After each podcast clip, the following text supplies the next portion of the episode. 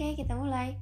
Nah, baiknya kita mulai dari pengalaman aku gabung di podcast aja kali ya, biar sama-sama tahu gitu seru-seruannya bareng di podcast gitu kan. Nah, uh, awal mula aku gabung di podcast ini tepatnya pada hari Minggu 13 Juni 2021 melalui seminar yang aku jumpa brosurnya itu di sosial media gitu deh. Ya, bener banget tepatnya itu uh, minggu kemarin sehari sebelum aku take podcast ini. Nah, kenapa sih aku bisa minat di podcast di podcast ini?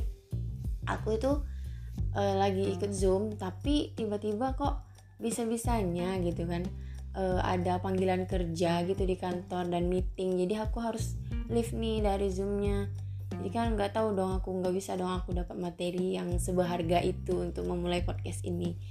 Tapi untungnya uh, ada nih kakak-kakak baik hati Kak Windy, Kak Anissa sama Kak Fatia yang bimbing aku untuk uh, mulai masuk di podcast, mulai rekam video.